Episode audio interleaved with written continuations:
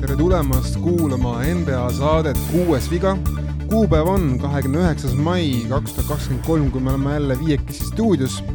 stuudios on äh, viis meest. tere, Henri. tere. tere, Erki. tere, Otto. Ardo. tere. Mina ja siis viimase inimesena pole meil Steni, vaid meil on hoopis äh, mees, no vaatame, kes, kes neid kuulavad, mitte ei vaata Youtube'is mingil põhjusel. kas te tunnete hääle ära kergelt? tere, Heiko. tere. tere, Eesti meister pigem peaks ütlema.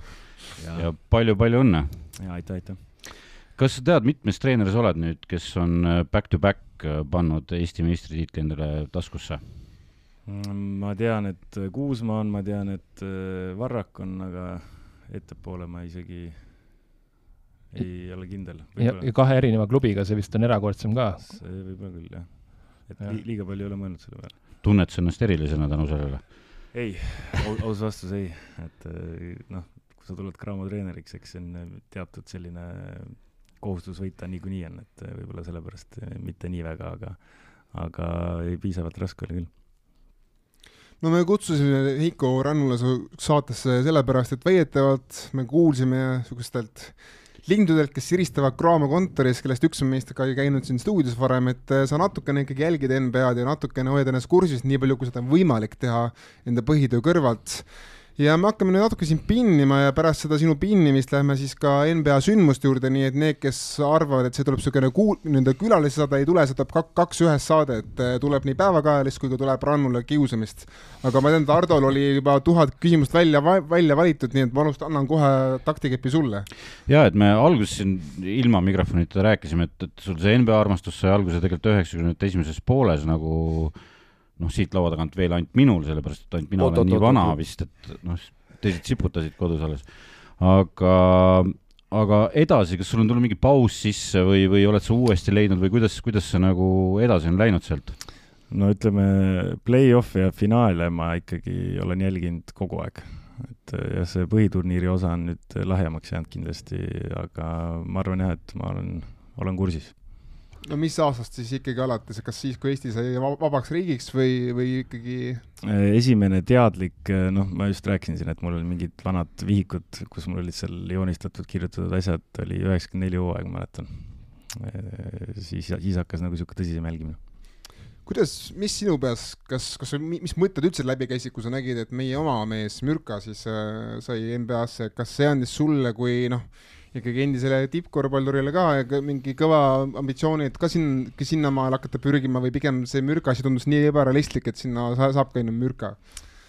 ei no mina, ma mõtlen, ma olin ju NBA fänn, see oli minu unistus igal juhul, et eh, loomulikult, eks mida vanemaks saad, seda kiiremini saad aru, et eh, noh, see ei ole, ei ole reaalne, noh, minu, minu mõõtudega mehele eriti, onju, aga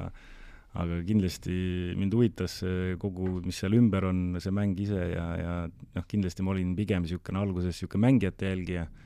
aga hiljem ka siis juba teatud treenerid ja, ja meeskonnad, kes nagu rohkem meeldisid. kui sa vaatad nagu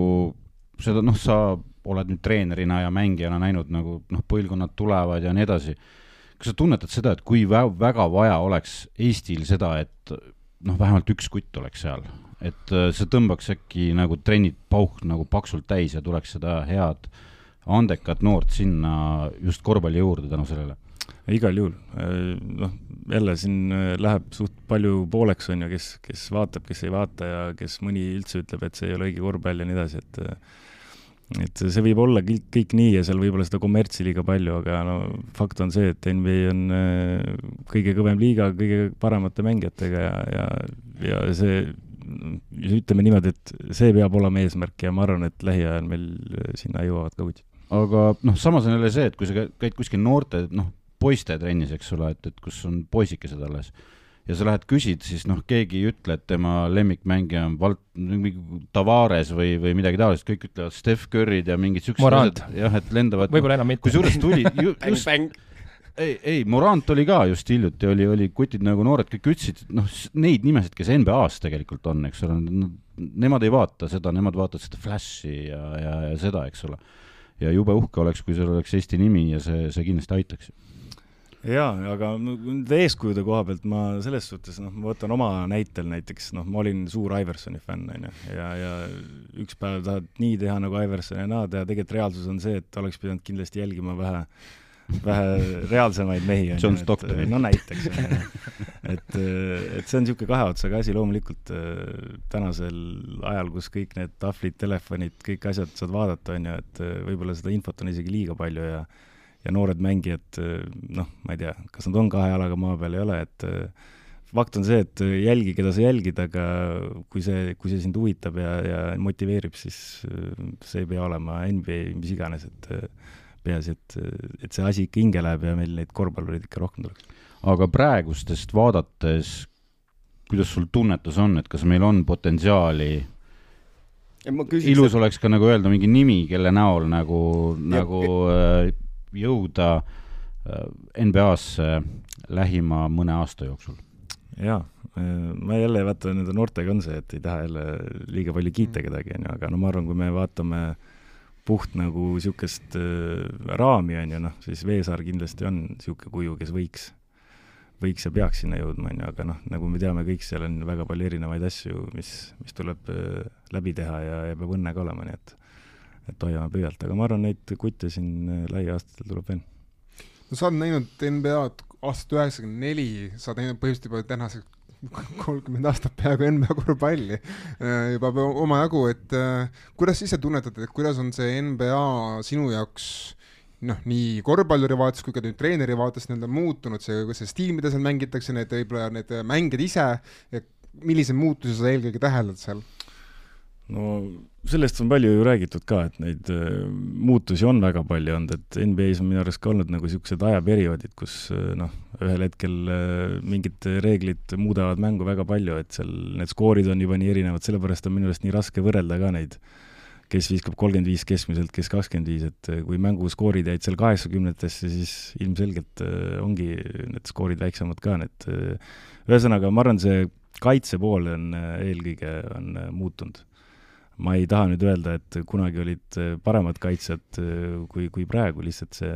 üldine stiil nagu, aga ma arvan, mul on täpselt selline tunne, et äh, et nad jälle vaatavad mingil hetkel jälle väikese reeglimuudatusega saavad jälle neid asju teistpidi viia, nii et eks see, see areng niikuinii toimub ja, ja muutused tulevad, nii et konkreetselt nüüd öelda, et ma ei tea, NBA-s ei mängita kaitset, Euroopas mängitakse, et see kindlasti nii ei ole. Nojaa, aga NBA-l lisaks mängustiilile on ka muutunud näiteks see play-in turniir, eks ole, nüüd, nüüd räägitakse hooajasisesest turniirist veel ka, no mismoodi see neil enam keegi ei tea täpselt, kui lõpuks, et kas, kas need elemendid on ka asjad, mis nagu sina kui suur korvpallisõber, kas sa nagu hindad, et et üks, et üks spordiliiga eksperimenteerib niisuguste asjadega või pigem see on sinu jaoks natukene, et noh, mis te siin nüüd teete nagu natuke niisugust pooleldi tsirkust et.... jah, ja kas see on üldse eksperiment, meie eluaeg on Eestis karikat mängitud ju välja, eks ole, et see tegelikult on, on see paras NBA karikas, mis seal välja mängitakse keset hooaega.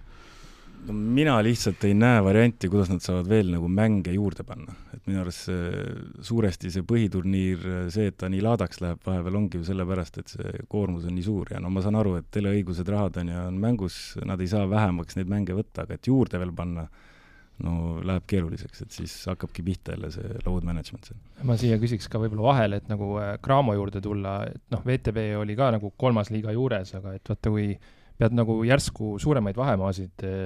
reisima, kui, kui suure nagu sellise noh, hüppe see teeb nagu äh, sellisele graafikule ja meeste ettevalmistusele ei saa puhata, uned lähevad sassi, vaata sellised et kui oli, oli ka nagu tunda näiteks, vaata VTB nüüd nagu langes ära, siis tuli see Euroliiga, eks ju, mis läks ju päris hästi tegelikult et kuidas sa ise nagu seda tunnetad, et Pärnuga vist eh, sa said juba proovida või, seal esimesi hooaegasi? no tegelikult lennanud olen ikka vähe. Mm, -hmm. et eh, no see lendamine väsitab tegelikult, loomulikult seal võib-olla tipp, tippsatsid on ju, panevad seal eralennukite ja tšarteritega on ju, aga tegelikult see väsitab, et isegi kui kui sa mõtled, et okei okay,, mis see kolm tundi on siis, on ju, et bussiga sõidad ka kolm tundi, aga tegelikult see on teistmoodi, see väsitab nii, nii keha kui vaimu, nii et eh, see on, see on raske, aga see on tippkorvpalluri ja korvpallimeeskondade elu, nii et sellega tuleb hakkama saada kui nüüd äh, kiusamise juurde tulla, et kui sa, kui sa vaatad äh, NBA-s, peatreener seisab ja siis tal on kuskil kolmteist abitreenerit kohati nagu. kas sa, kas sa vaatad vahest ja mõtled selle peale, et mida kuradit need vennad seal kõik teevad nagu, et, et kas, kas koristaja toodi ka tagant välja sinna istuma nagu spetsiaalse ülikonnaga või on neil kõigil päriselt mingisugune treeneri juures olev amet? Ja kas kadedaks ka teeb seal? jah, ma tahtsin selle, see on teine küsimus, jah see on nii kahe otsaga asi, et ühtepidi ma, ma noh, enam-vähem ülikoolides on seal igal pool, no neil ongi see teema selline, et igal inimesel on seal mingi väike funktsioon ja neid on hästi palju ja kogu aeg midagi seal tehakse, aga ma ei, ma ei tea nüüd, kas mina näiteks tahaks, et mul oleks seal kolmkümmend inimest selja taga, et igaüks teeb midagi, ma ei tea. aga eks see, eks see liigub sinnapoole, et kõik, kõik tippklubid seal järjest seda staff'i tuleb juurde, et äh, mul vahepeal tekib küsimus küll, et äh, kas see peatreener nagu reaalselt juhib ka seal mängu või ta lihtsalt seal seisab, et see on äh, teatud meeskondade puhul eriti tundub, et et need time-out'id on nagu üks-ühele iga mäng samal ajal võetud umbes ja neid muudatusi ma ei tea, kas, ka, ka kui palju nad seal neid teevad, et natukene on mingi küsitavusi vahepeal, aga, aga kihvt on muidugi vaadata selles suhtes, kus, kus asi on nagu arenenud ja kui need rahad taga on, et see on hoopis teine maailm selles mõttes ma natukene võin nagu nüüd, kui kellelgi jäi küsimus õhku selle peale, et nüüd, mis asja need inimesed teevad seal, siis ma olen vaadanud mingisuguseid äh, neid inside pass'e ja mingeid selliseid asju, siis on nagu, oli mingisugune variant, kus nad läksid pikale sellele välismängude turneele ja siis noh, lennukis olidki, et need abitreenerid istusid eraldi puntides ja siis äh, kõik pundid skautasid äh, eraldi mängu juba ja siis ükshaaval siis käidi äh, Äh, põhilistele kuttidele seda kõike siis esitlemas seal, et no lihtsalt küsimus ongi selles, et, et noh, kaheksakümmend kaks mängu, eks ole. jaa, aga ma mõtlen just see, et, et see, et asi viiakse nagu nii spetsiifiliseks, see on kõik nagu äge, aga tegelikult mängija kõike seda infot ei suuda nagu mm. vastu võtta, et see on, seal läheb varsti üle piiri ja siis lõpuks ongi see, et et see toimub tuimalt lihtsalt, keegi võib sulle kogu aeg midagi ette sööta, aga siis ühest kõrvast sisse, teisest välja, nii et ma ei tea, kus, kus see piir läheb, kus juba liiga paljuks läheb no kui me juba räägime detailsusest, siis minu arust üks asi, mida NBA tiimid teevad ikkagi oluliselt rohkem viimasel kümnel aastal, on igasugune nende andmete põhine tegutsemine, et äh, vaadatakse eriti täpselt mängijate uneaegasid, kuidas nad liiguvad, kus nad liiguvad, isegi seda pannakse tracker'id külge enam-vähem meestele, vaadatakse seda, et milline on nende mingi, ma ei tea, käekoormus, kaelakoormus, kõik, kõik mingi sensoritega särgid, tossud, mis iganes sul on, et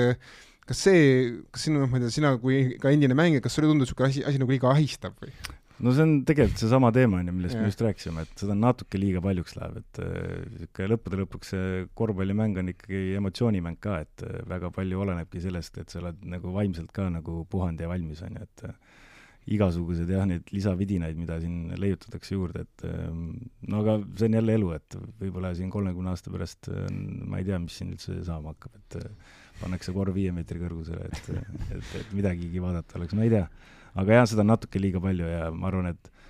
et võib-olla noored ka nüüd järjest rohkem, on ju, see tähelepanu lähebki mingi muu asja peale ja, ja, ja lõpuks on vaja ju ikkagi see pall ise lihtsalt korvi visata, et, et lihtsad asjad maksavad. kui palju see Exceli korvpall üldse siiapoole nagu jõudnud on? Äh, tegelikult Euroopasse on järjest-järjest rohkem tulnud, et ma näen siin äh, päris, päris huvitavaid äh, treenereid, kes seal reaalselt ka teevad samamoodi, et ainult, ainult numbrite järgi käib kõik, on ju, ja isegi, isegi ongi niimoodi, et treener teatud niisuguseid klassikalisi treeneri asju enam ei teegi, et vaatadki arvutist enam-vähem ära, kes, kes nüüd mängu läheb, kes, kes, kes ei lähe, on ju, et aga ise balansseerid ka natuke sellega või ei? mina ei ole liiga suur nagu niisugune numbrite mees, et ma usaldan nagu rohkem niisugust intuitsiooni, et võib-olla see ka aja jooksul muutub, ma, aga täna jah, ma liiga palju sellele ei keskendu. siia võib-olla küsiks vahele, et seal ongi võib-olla noh, ma ise ka natuke olen seda maailma näinud, et seal võib-olla ongi treenerile liiga palju küsida, et sa analüüsi neid andmeid ka, et keegi inimene tegelikult peaks ju alati olemas olema, kes sulle aitab neid tõlgendada või siis neid asju nagu äh, või noh, soovitusi anda, vaata, sina pead ju alati selle otsuse viimase võtma, kes läheb, kes ei lähe, aga et sa võtad mingeid andmeid, aga samas sa ei saa, nagu sa ütlesidki, teed natuke teed ka selle järgi, et noh, mingi tunne peab olema ju, tunnetus asjale et äh, neid mehi võib-olla ei olegi alati võtta, vaata, kes ütleks niimoodi. jah, vot seal ongi jälle see, et äh, üks asi on see ressurss, on ju, kas, kas sul on neid inimesi, kas sul on neid programme, mis iganes, on ju, aga mina ikkagi usun sellesse, et äh, ühel, ühel viimasel hetkel peab ikkagi see inimese otsus olema ja, ja see nii-öelda see silmatunnetus on ju, et kas sulle tundub see asi nii või naapidi, et ainult kuivalt numbrite järgi mina, mina sellesse lõpuni ei usu. Tulen korraks nüüd NBA juurde tagasi, NBA olemuse juurde, et äh, noh, sa oled näinud kolmkümmend aastat NBA-d, et äh, oli kaks nullindad olid ikkagi eurooplast, Euroopa vaataja jaoks suuresti noh, Novitski, Parkeri ja Pau Gasolli võib-olla nende hiilgeajad, siis nüüd on meil Õhtuleht ja kõik ülejäänud meedia, meediaväljaanded ka kirjutavad, et oh, et NBA-s on alganud nii-öelda eurooplaste ja muu maailma võidukäik, et Antetokounmpo, Jokic, kes on nüüd siin oma esimese tiitli lävel, äh, Doncic, eks ole, Embiid, tuuakse nelja suure nimena eelkõige välja no kas sulle annab see ka siis nagu mingisugust, ma ei tea, ma ei tea, kuidagi lisaväärtust või kuidagi lisahuvi, et, et, et justkui on Euroopa mehed nüüd maailma parimate seast kindlalt? Ma ei tähtsustaks üle seda Euroopa värki, pigem, pigem noh, seda kunagi rääkis ju Kobe Bryant ka, et äh, mingil hetkel äh, ma arvan,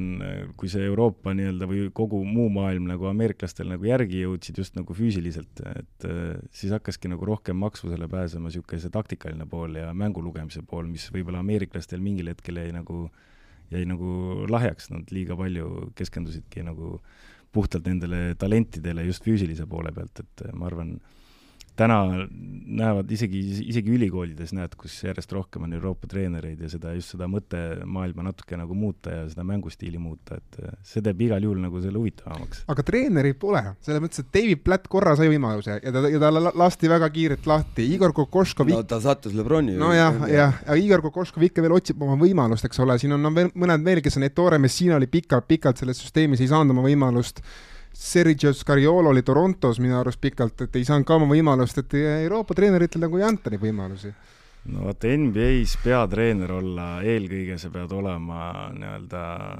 väga suur, väga suure respektiga mees, noh, et kui sul seda nagu seal staaride poolt ei tule, siis, siis sa ei saa hakkama lihtsalt, et sa võid olla ükstapuha kui hea taktikaliselt, et sa pead e-, eelkõige olema, teenima välja oma selle respekti ja siis sa saad hakata seal treenima alles, on ju, et et elu on näidanud, et seal noh, see on sellised rahad mängus lihtsalt, et äh, sa ei saa öelda seal, ma ei tea, Kevin Durantile, et hakka nüüd üle välja kaitsma ja no ta ei, ta ei mängi, onju, jah. et äh, vend saab, vend saab kakskümmend korda rohkem palka kui sina, onju, mida sa plõksid siin, onju, et, et kahjuks, kahjuks või õnneks see nii on. aga kui sa praegust NBA-d vaatad, kes, kes äh, sinu kõige, sinu jaoks kõige sümpaatsem treener on? Mul on kusjuures äh, olnud juba pikalt nagu siuksed omad lemmikud, et äh, loomulikult ma olen alati Popovitši jälginud, äh, meeldinud, noh, okei okay,, täna võib-olla ta ei ole enam esimese suurusjärgu vend, on ju, et hakkab vaikselt nagu lõpetama juba, aga Spolstra kindlasti. ma ei tea, kas enam hakkab lõpetama, kui ta siukse talent, talendi sai enda kätte, aga. no ma arvan, lihtsalt ta ei jaksa enam, et ta on kõik juba saavutanud ja, ja kui sa ta neid intervjuusid ka juba vaatad, siis ta liiga tõsiselt no, seda asja ei võta enam. Vemba, Vemba Jama on nii tõsine inspiratsioon võib-olla võib-olla, et oled sa, kuidas sa, kui sulle, sulle niisugune asi satuks kätte, et mi, mi, no me mis sa, mis sa teeks teist? ma arvan, ega me keegi tegelikult täna ei, veel ei taju, mis seal, mis seal peidus on, et noh, jällegi, et see on, ta on veel nii noor ja see on kõik nii alguses, et me ei tea, mis sealt välja koorub, on ju, et vigastused, mis iganes, et et jällegi minu arust jälle liiga palju võib-olla pannakse seda survet peale, aga noh, selline see maailm on, et sa jäid enne nimedesse kinni, Spo oli sul viimane ja siis veel? Spo, äh, no ma ütlen, et mulle meeldivad nagu teatud meeskondade stiilid näiteks on ju, no Steve Kerr on mulle alati väga meeldinud, mitte ainult nagu korvpalli koha pealt, vaid just tema see tasakaalukus ka nii-öelda, kuidas ta suudab käituda ja, ja olla niisama, et niisugused asjad on hästi kihvtid vaadata, et just see noh, nagu ikka, meie eurooplased on ju, oleme niisugused, eriti eestlased, oleme niisugused tagasihoidlikud ja siis, kui vaatad neid mingeid kõnesid või äh, või intervjuusid, on ju, et siis on, sealt on nagu palju õppida, kuidas nad oskavad, oskavad õigetele asjadele tähelepanu pöörata ja motiveerida, on ju, et Steve Kerr kindlasti väga meeldib ja noh, kui ma nüüd selle aasta play-off'e vaatan näiteks, siis äh, kindlasti Malone ka on niisugune kihvt, kihvt vend, keda nüüd hakkan kindlasti rohkem jälgima. No kas sa vaatad ka seriaali Ted Lassot, kus äh, jalg, jalkatreener annab seal filosoofilisi mõtteid oma, oma tiimile ja, kusjuures tiimil läheb väga hästi seal seriaalis ma olen ühte vist äh, mingit hooaega vaadanud korraks jah, lennuki peal vaatasin, et äh, ei, kihvt, sealt on igalt poolt midagi natuke võtta. aga kui sa vaatad nagu nende treenerite tegutsemist, noh, fine, üks asi on see pressiga suhtlemine ja, ja kuidas nad käituvad väljaku ääres, aga kui sa vaatad neid mänge ja, ja, ja neid noh, kurat NBA-s neid jooniseid seal põhjooajal väga nagu üles ei võeta, eks ole, noh, kindlad stiilid on, kuidas mängite, eks ole, mingi keerutatakse mingi teatud kohast ja nii edasi, aga, aga, aga kas üldse on nagu Euroopa poolt vaadates mingisuguseid asju, mida seal õppida või, või nagu endale tagataskusse panna või siis äh, noh, on, on see materjali valik juba nii erinev, et, et, et see nagu noh, see ei toimiks lihtsalt siin. ei, on väga palju tegelikult selliseid asju, mida võib-olla esimese korraga ei panegi tähele, et eh, noh, mis on Ameerikas või üldse NBA-s on nagu hästi huvitav, ongi just see nii-öelda noh, kogu see mäng ju põhineb seal nii-öelda match-up'ide peal, on ju, et noh, et, et saada jälle see kaitsja selle mängija vastu, on ju, ja siis sealt tekib eelis, on ju. ja kuidas nad seda teevad näiteks ja kuidas vastased seda lahendavad, näiteks noh, a la, ma ei tea, taha, tahavad Steph Curry't rünnata, on ju, pick and rollis, on ju, et ja panevad tema mehe siis katte tegema, on ju, mis ta siis teeb? Nad ei taha vahetada, on ju, siis ta teeb selle väikese väljaaste, on ju, mida tavaliselt äh, tagamängijad ju ei tee, et niisuguseid pisiasju on tegelikult päris palju ja ja näiteks üks hea näide on siis, kui Toronto võitis äh, tiitli, on ju, nad hakkasid tegema seda nii-öelda Hispaania pick and rolli, on ju, noh. ja see oligi naljakas lihtsalt vaadata, kuidas asi, mis on Euroopas juba ütleme, kümme aastat nagu väga tavaline, on ju, seal NBA-s oli nagu uus asi ja põhimõtteliselt nad purjetasidki sellega terve hooaja läbi, nii et et niisuguseid pisiasju siit-sealt ikka kogu aeg märkada siis äh, selline küsimus ka, et äh, oled sa üldse ise saanud minna koha peale NBA-d vaatama? ei ole, ma olin kaks tuhat kuus olin Miami's, kui Miami võitis oma esimese tiitli, aga kurat, see pilet oli nii kallis, ma ei palju maksis tol ajal, mäletad? mäletan, see oli, see oli, mul ikka jäi karp lahti. no et, va Valga, Valga palga pealt vist ei saanud see, kusjuures see oli mul veel Tartu viimane aasta vist ah, ja siis läksin jah, aga ei, see oli natuke käis üle jõu, et äh, ei, ei, ei läinud jah Oklahomasse peab minema, seal on soodsam. jah, mina küsiks selle kohta, et kas sinu enda mängijad või siis teised treenerid, keda sa Eestis tead, just peatreenerid klubi, klubi tasandil, kui palju sa tead nende nii-öelda NBA harjumuste kohta või üldse vaatamise kohta, kas Eestis klubi tasandil, preemia nii-öelda meistriliigas on NBA vaatamine mängijate ja treenerite seas moes või pigem on see ikkagi üksikute, üksikute hullude pärusmaa? või siis on niimoodi, et need, kellele meeldib, need ei julge öelda, sellepärast et hakatakse naerma, et nad Euroliigat ei, ei vaata? ei, noore generatsioon mängijad väga jälgivad et on, pigem ongi just need nooremad on niisugused isegi fännid, ma ütleks, aga treenerite puhul küll jah, et on pigem, pigem on üksikud, kes nagu tõsiselt jälgivad. Andres Sõber vaatab jõhkralt seda, seda me teame kõik, seda me teame kõik. mida ta ei, mida ta ei vaata. aga ta oskab hästi neid ärapanemisi teha NBA näitel, vaata, no vaata see Joosep Valanciunas, vaata niisuguse lepingu sai, no sina Toome poiss, terve elu teed nii palju tööd, ei saa niisugust raha kokku meeme peaks tegema. jah, just. jaa, ei, ei, tegelikult noh, see on jälle natuke ülepaisutatud, ma arvan, see a la, et mina vaatan Euroliigat ja mind NBA ei huvita, et ma arvan, iga treener, kes neid play-off mänge vaatab, saab aru, et seal, seal on andmist rohkem ja, ja veel, et ei, see, see korvpall on kihvt vaadata play-off'is. Kui sa vaatad vahest neid NBA mänge ja, ja vaatad, mida nad teevad, noh, ütleme nüüd play-off'is eriti, kus on, on nagu selged joonised juba mingil hetkel hakkavad tekkima ja, ja kaitsejoonised ja nii edasi, et kas sa vaatad vahest ja mõtled, noh, noh, noh, noh, see, see ei tööta, et miks sa teed nii või et, et või sa näed ära, et treener on rumal lihtsalt, et et noh, kui, kui sa vaatad näiteks Philadelphia mängiga, Doc Rivers on treener, et ei, ma olen selles suhtes, ma olen nõus, et seal on teatud hetkedel on näha, et noh, okei okay,, me saamegi aru sellest, et sul on sellised talendid, sellised atleedid seal on ju, ja, ja lihtsad asjad toimivadki paremini, on ju, noh, lihtne mäng on ju, ala ongi kui sa lähed poolkiiresse, on ju, sul saadki seal võib-olla esimese viie sekundiga kõige parema viske, et miks ma siis hakkan seal mingi skeemitama, on ju. aga teistpidi jah, seesama, sama Philadelphia näide, kus kus tuimalt tambitakse ühtemoodi, kaitse aru-, nii-öelda äh, hammustab selle asja lahti, aga, aga sa väga mingit muutust ei tee, on ju, et see, see vahepeal nagu hämmastab küll jah, et väga sirgjooneliselt tehakse ühtemoodi ja, ja väga palju niisuguseid muutusi ei ole, aga on ka täiesti teistpidiseid näiteid, et näiteks kui sa vaatad Golden State'i mängu, siis seal ikka seeria, seeria sees ikka reaalselt tehakse muutusi ja ja asjad no,, asjad toimivad ka. no tegelikult Spo on väga hea näide sellest, kes suudab mängu sees täitsa teiseks keerata kogu selle loo, see ei toiminud, fine, nüüd meil on need käigud hoopis, eks ole. aga see ongi hea võrdlus näiteks, et Miami'l on äh, nii-öelda niisugused äh, noh, pealt pe,, peal, peale vaadates lihtsad tavalised vennad, on ju, ja neid sa saadki kontrollida ja, ja neid nuppe seal liigutada, et kui sul on äh, nagu arma-, armastatakse öelda, et kui sul kolme staari ei ole, siis sa tiitlit ei võida, on ju. et selliste meeskondadega ongi raske, et äh, sul on mängijad, kes tahavad seal palli saada ja seal liiga palju nagu taktikaliselt äh, muuta ongi raske, et ja siis, siis tekivad need nii-öelda see respekti moment ka, et noh, Spolstra on selle stiili vend ja ta valib ka mängijad selle järgi, keda, keda ta suudab kontrollida, on ju, et teatud meeskonnad midagi teha ei ole, panevad lihtsalt selle venna sinna ette ja lõpuks mängijad otsustavad. Ja teine asi muidugi on see, et äh, noh, palju räägitakse seda, et noh, selleks, et mängijate respekti nagu teenida treenerina, on sul vaja, et sul oleks endal mingi mängija pedigrii ja nii edasi. Spo on lindilõikaja olnud varem ainult, et see on noh, lindiruumis, ma siis, kui tema lõikas, siis olid lindid päriselt veel. et, äh, ja tuli vend ja, ja on üks parimaid tegelikult. no aga see on ikkagi, see meeskond on tegelikult Pat Riley nii-öelda pärand, noh, et tema ta on sinna põhimõtteliselt pukki pannud, välja õpetanud ja, ja tegelikult ega Pat Riley ise treenerina oli ka selles suhtes äh, ikkagi kontrollis asju, et niisama need asjad ei käinud seal, et ma arvan, et see on tegelikult ikkagi nii-öelda niisugune loomu, loomul, loomulik protsess olnud ja, ja Spolstra on selles suhtes kihvt vend, et, et ta jääb nagu endale kindlaks ja ja tema nagu on näha, et ikkagi on nagu, kontrollib seda meeskonda ja see on ikkagi meeskond, mitte üksikud mängijad ainult. kui sa nüüd viimast seda play-off'i, mina kiusan üksinda ainult, Eikot, aga äh, kui sa seda viimast play-off'i vaatad, kas on olnud ka nagu mõni selline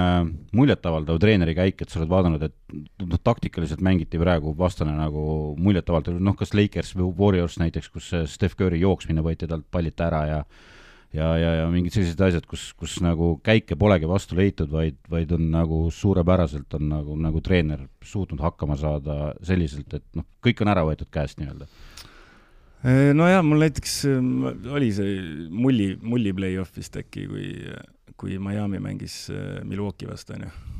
noh, ühesõnaga jälle lihtsalt niisugune näide oli, on ju, kus taktikaliselt on ju, võeti Antetokounmpo on ju seal maha ja, ja, ja sellised asjad on ju, noh, selle, selles play-off'is ma pigem ütleks, on äh, kõige muljetavaldav olnud äh, Denver, just, äh, just see, kui kui loogiline rünnak neil on ja, ja no kaitses on nad lihtsalt nagu niisugused stabiilsed, et ja, ja seal on ka näha, et kindlatel mängijatel on omad rollid, nad äh, teevad seda nagu stabiilselt hästi, et ei lähe keegi lolliks seal, kui kaks viset on sisse viskanud, et ei lähe silmad kinni kolmandat panema, et et näha on, et asi on kontrolli all ja, ja, ja tehakse ka muutusi, kui vaja. On see distsipliin on tegelikult jah distsipliin on väga hea sõna. Vot siia Denveriga just mul tekkiski see mõte, et noh, nüüd on ju tiim selles mõttes saanud ehitada ennast nagu üle aastate. kas sulle ka ei tundu, et noh, see Murry rääkis, et ta läks, kui ta selle trauma sai, ta läks peatreeneri juurde, et kas te nüüd vahetate mu välja, et vaata, noh, nagu pisar silmil. ütles, et sa oled meie oma ja seal siis tekkis niisugune noh, metsik niisugune bond või, või niisugune usk ja selline austus, et seda peab olema igas tiimis, kes ikka tiitli võidab, et aga kuna viimati võitis niisugune projektisats, võitis, võitis tiitli? Kaks tuhat kakskümmend Lakers on kõige Lebron, Lebron on õige mitu tükki kokku pannud. nojah, okei Lebron, Lebron lihtsalt teeb ise. GMG. et temal on ainuke see luksus. jah, et tema saab täpselt nii, nagu tema tahab, onju, aga suures pildis jah, kui sa praegu vaatad, kes nagu tipus on, siis pigem on ikkagi sellised, kes on natuke ikkagi saanud aega nii-öelda ehitada ja, ja see punt on nagu pikemalt koos olnud, et. Äh, no kuigi Raptors oli ka selles mõttes nagu huvitav sats, et äh, jah, no mängisid ilusat korvpalli, aga Leonard, äh, Danny Green ja Marko Sol toodi sinna kõik, kas siis hooaja alguse või hooaja keskel. Ibaka oli vist ka seal ikkagi, selles mõttes ka nemad olid niisugune veidike projektimeeskond, aga muidugi võib vaielda, et kui poleks kahte suurt vigastust toimunud, me ei tea, kas me räägiks neist kui võitjatest. no aga selliseid tagasid on alati igal hooajal, on ju, et aga ma olen jah nõus, pigem see Raptorsi aasta võib-olla oligi selline natukene nagu eriline või seal oli palju niisuguseid agasid, et seal Philadelphia mängija sõltus ühest, ühest viskest, on ju, et äh, aga jaa, ma ei, mulle selles suhtes meeldib see, et äh, nüüd järjest rohkem jällegi ikkagi hinnatakse seda, seda nii-öelda seda ühtsust ja ikkagi lastakse natukene meeskondadel koos olla, et ei hakata kohe vahetama. sest et kui, kui võtta nüüd nagu Denver põhijooajast ja, ja mis ta nüüd praegu play-off'is mängib, siis see rünnak on tegelikult noh, seesama see keerutamine seal, eks ole, ja nii edasi, et see, see, see poti segamine, see, see kõik on põhimõtteliselt seesama, aga nüüd on nagu kõik kruvid põhja keeratud ja see nagu üliperfektselt tehakse seda kõike nagu no rotatsioon on ka palju, poole lühem. nojah ja ja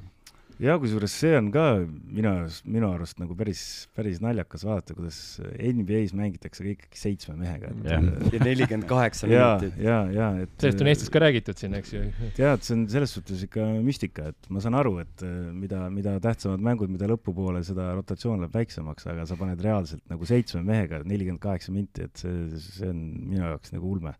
et seal on ju tegelikult sul ju kvaliteeti ju iga nurga peal on ju, et sa saad ikkagi seal paari minutiga seal ikka ju omad asjad ära teha, lihtsalt seal need time-out'id ja need pausid seal lubavad seda tegelikult teha, et, et see tempo nagu seal liiga, liiga suureks ei lähe. sest viimasest neljast meeskonnast äh, ainult Boston on see, kes kasutab äh, nagu pikka rotatsiooni, või noh, pikka Miami pinki. ka, Miami ka kasutab. Miami'l no on no, kui on mehed terved. kaheksa-üheksa meest. ja, ja, aga no Masula lasi viimane kord nagu terve pingi ikka läbi, noh. viimane mäng viimased kaks mängu on olnud, kõik mehed on saanud mingisugune minuti kaks. no game nagu. kuus mitte, game viis ja game neli said. jaa, game, vaatasin just viimane stats yeah. oli reaalselt äh, game kuus oli niivõrd punkt punkti mäng. üks, üks kas... viimast box-score'i ma pole olnud, ma mõtlesin mängu. Hauser sai kolmkümmend sekundit vist. ja, ja, aga kõik, kõik nad on kirjas, vaata, kui sa box-score'i lahti võtad, oo, kõik mehed on mängida saanud. aga Boston muidu on äh, päris palju trikitanud, selle Robert Williamsiga ja ta on ju otsinud neid äh, selliseid koosseise ka üle keskmise, Masullal nagu me, me, ma ei saa öelda, mina ei ole vaata see mees, kes ütleb, et tal on mingit ebakindlust, vaata, aga seal oli vahel niisugune moment, et eh, noh, nüüd paneme selle koosseisu, mis eelmine aasta kõike hävitas, vaata, ja ka ennem olid nagu teised pundid, vaata. no mina ütlen ausalt, et mulle Brad Stevensi Boston meeldis, aga tänane Boston mulle väga ei meeldi. Audoka? Mul Udoka oli seal nagu see vahepealne variant, et äh, aga jah, praegu ma näiteks nende mängu vaatan, siis äh, nagu silmale nagu ilus vaadata või noh, ei mingit rahuldust ei paku, et äh, see on alati niisugune ohtlik, kui sa annad äh, kogu võtmed nagu niisuguste positsioon kahe, kolme, nelja kätte, et äh, siis vahepeal tundubki, et seal nagu ei kontrollita midagi, et ja liiga palju on läinud niisuguseks äh, noh, minu arust niisuguste juhuslike lahenduste peale see asi, et üks mees pumpab kogu aeg. no üks mees pumpab ja, ja siis ma saan aru, et point on selles, et sa paned äh, nii-öelda neli viskajat, paned oma staari kõrvale, on ju, ja siis elad sellega, on ju, aga, aga seal jah, võiks, äh, ma arvan, seda materjali on seal piisavalt, et võiks natuke seda niisugust distsipliini või niisugust ma ei tea, erinevat rünnakut küll olla. no ma küsin nüüd ühe suure küsimuse ka, et äh, mida peab küsima peaaegu iga külalise käest, et äh,